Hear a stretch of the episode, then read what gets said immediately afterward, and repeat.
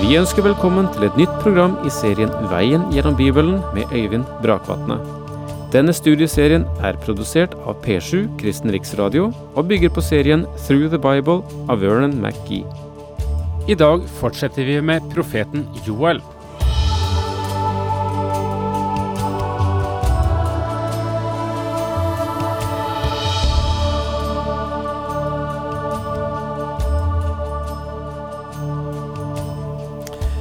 Velkommen til eh, samling omkring eh, profeten Joel. Eh, som vanlig så går vi over til Det gamle testamentet, et skrift i Det gamle testamentet, etter at vi har behandlet et av skriftene som vi finner i det nye. Og nå er vi kommet inn i rekken av de små profeter, og Joel står for tur. Joels eh, profetier kan vel for noen synes uviktige, fordi de inneholder, denne boken inneholder bare tre korte kapitler. Det er en sånn som du blar forbi. Men eh, får jeg uttrykke det slik, denne lille boken er som en atombombe. Den er kolossalt kraftig, selv om den ikke er stor. Først eh, til forfatteren. Vi vet svært lite om profeten Joel. Alt som blir fortalt om ham, står i det første kapitlet, vers 1. Og slik står det, Dette er Herrens ord som kom til Joel, sønn av Petuel. Joel betyr Jahve er Gud, og det er et svært vanlig navn. Det er dem som har trukket den slutningen at profeten Joel var sønn av Samuel, fordi det i første Samuels bok kapittel åtte vers én til to står da Samuel ble gammel, satte han sine sønner til dommere i Israel. Den eldste het Joel. Men vi eh, leser eh, videre eh, at det står i neste verset, men sønnene fulgte ikke i hans fotspor. De søkte urettvinning, tok imot bestikkelser og fordreide retten. Første Samuels bok, kapittel åtte, vers tre. Og derfor er det umulig at Samuels sønn kunne vært den samme som profeten Joel. Hvilken tidsperiode eh, beveger vi oss i når vi er i denne Eh, profetboken. Vi kan være helt sikre på at Joel profeterte i Jerusalem og i området rundt Jerusalem. Igjen og igjen i sine profetier refererer han til Herrens hus. For eksempel står det i Joel 1 vers 9 grødeoffer og drikkeoffer blir borte fra Herrens hus, prestene, Herrens tjenere, sørger. Han nevner også Jerusalem i Joel 3 vers 25, men i Juda skal det alltid bo folk, og Jerusalem skal slekt følge slekt. Og går vi tilbake til Joel 3 vers 22, så leser vi der, Dere skal få sanne at jeg er Herren deres Gud, som bor på Sion, mitt hellige fjell. Jerusalem skal være et hellig sted, der skal fremmede aldri mer komme inn. Og derfor vet vi at denne mannen var en profet i Sydriket, i Juda. Joel profeterte som en av de tidlige profetene. Faktisk har det vært ganske mange profeter, i det minste et femtitall, og der er vel generell enighet om at Joel profeterte ved tiden omkring Joash regjering, en av kongene i Juda. Det vil i så tilfelle bety at han var samtidig med, og antagelig kjente, Elia og Elisha. Joels tema er eh, Herrens dag. Han hentyder til det fem ganger. Eh, hvis du vil vite hvor det er, og vil notere det, så, så, kan du gjerne gjøre det, selv om vi kommer til etter hvert. Men eh, Herrens dag blir nevnt i Joel 1 vers 15, kapittel 2 vers 1 til 2, kapittel 2 vers 11, kapittel 3 vers 4 og i kapittel 3 vers 19. Jesaja, Jeremia, Esekiel og Daniel refererer alle til Herrens dag. Noen ganger kaller de den den dagen. Zakaria understreker spesielt den dagen. Hva er den dagen? Det er Herrens dag, eller Jahves dag. Og det er Joel som introduserer Herrens dag i profetiene. Fra sin fjelltopp ved begynnelsen av de skrevne profetier så denne mannen ned gjennom århundredenes bueganger, så lengre enn noen annen profet. Han så Herrens dag.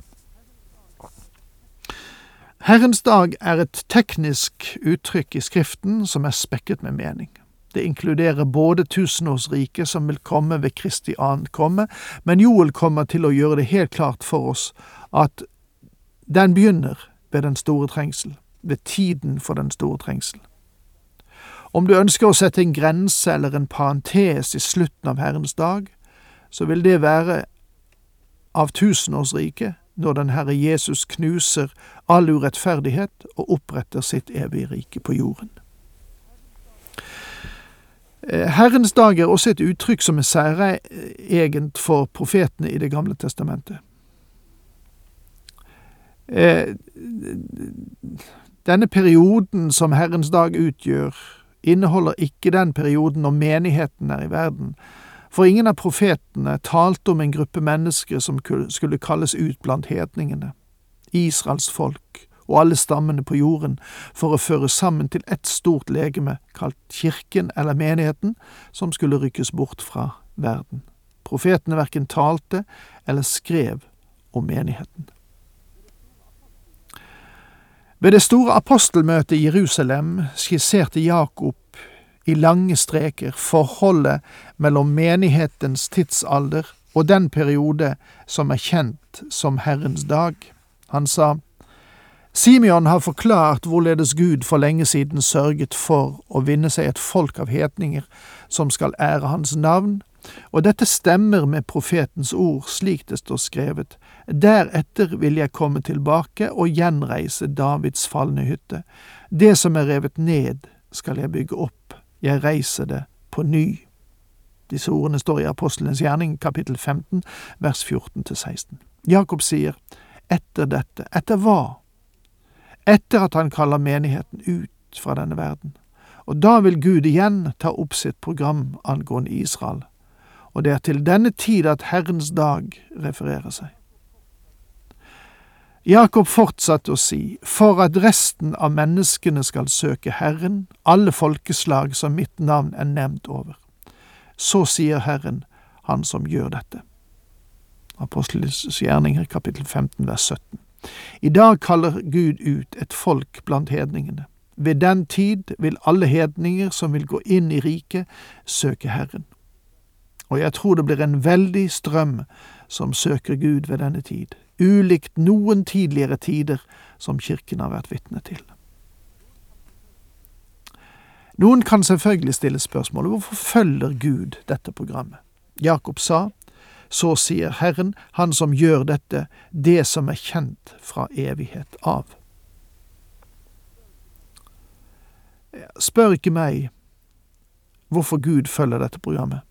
Spør ham for jeg vet det ikke, og jeg tror ikke noen andre vet det heller. Han følger dette programmet fordi det er hans program, og dette er hans univers.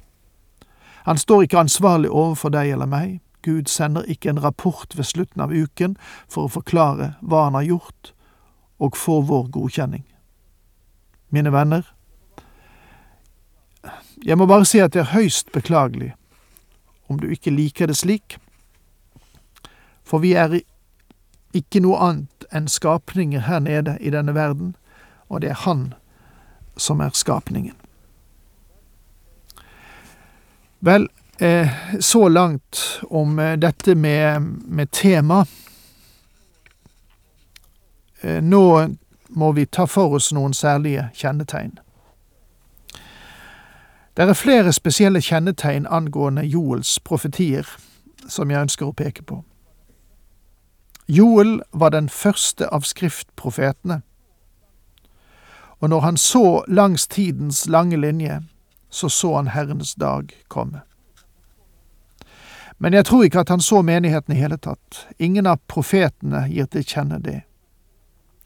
Da den Herre Jesus dro opp på Oljeberget, så kom der menn til ham som var meget skolert angående Det gamle testamentet, og stilte ham spørsmålet Hva er tegnet på denne tidens ende?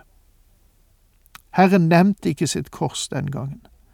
Han fortalte dem ikke om Den hellige ånds komme, han fortalte dem ikke om menighetens tidshusholdning, og han nevnte heller ikke bortrykkelsen for dem. I stedet førte Herren dem tilbake til begynnelsen av Herrens dag. Han daterte den, men den står ikke verken på din eller min kalender. De hendelsene han forutså, vil identifisere denne perioden for de mennesker som vil være der når Herrens dag begynner. Den ødeleggende styggedom som profeten Daniel har talt om, skal da stå på det hellige sted. Forstå det, den som leser, står det i Matteus 24, vers 15. Det er slik vi skal forstå begynnelsen av Herrens dag. Joel gjør det klart for oss at den begynner ved natt, det vil si, den begynner i en motgangstid.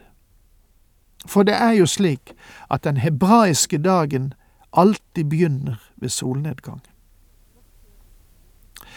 Første Mosebok formulerer det slik, og det ble aften, og det ble morgen første dag. Vi begynner ved soloppgang, men Gud begynner ved solnedgang. Og derfor begynner Herrens dag ved natt. Det er overraskende å legge merke til at ulikt Hosea sier Joel praktisk talt ingenting om seg selv. I Hosea-boken får vi vite om den skandalen som foregikk i hans hjem om hans troløse hustru. Vi vet ikke om Joel hadde en trofast eller troløs hustru. Ja, vi vet ikke engang om han var gift. Det første verset i første kapittelet sier det eneste vi vet om ham. Dette er Herrens ord som kom til Joel, sønn av Petuel. Ulikt mange andre profeter så dømmer ikke Joel Israel. Eh, det vil si, dømmer dem ikke for avgudsdyrkelse. Tidligere i folkets historie, ved den tid eh, Joel sto frem med sine profetier, da var ikke avgudsdyrkelse en gjennomgripende synd i Israel.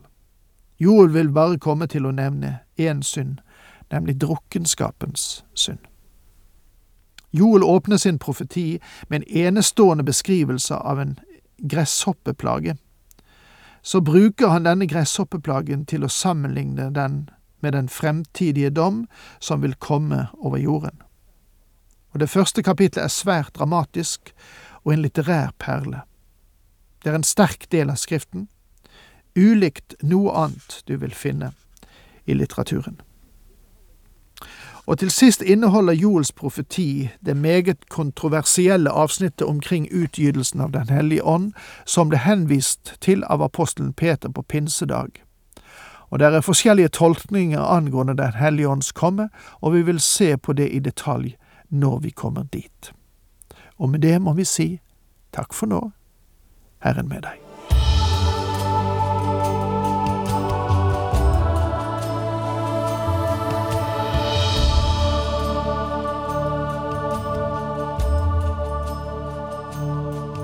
Du hørte Øyvind Brakvatne i studieserien Veien gjennom Bibelen. Serien bygger på et manus av Vern McGee. Har du spørsmål eller kommentarer til programmet, kan du sende en e-post til vgb krøllalfa p7.no. Takk for i dag, og på gjenhør.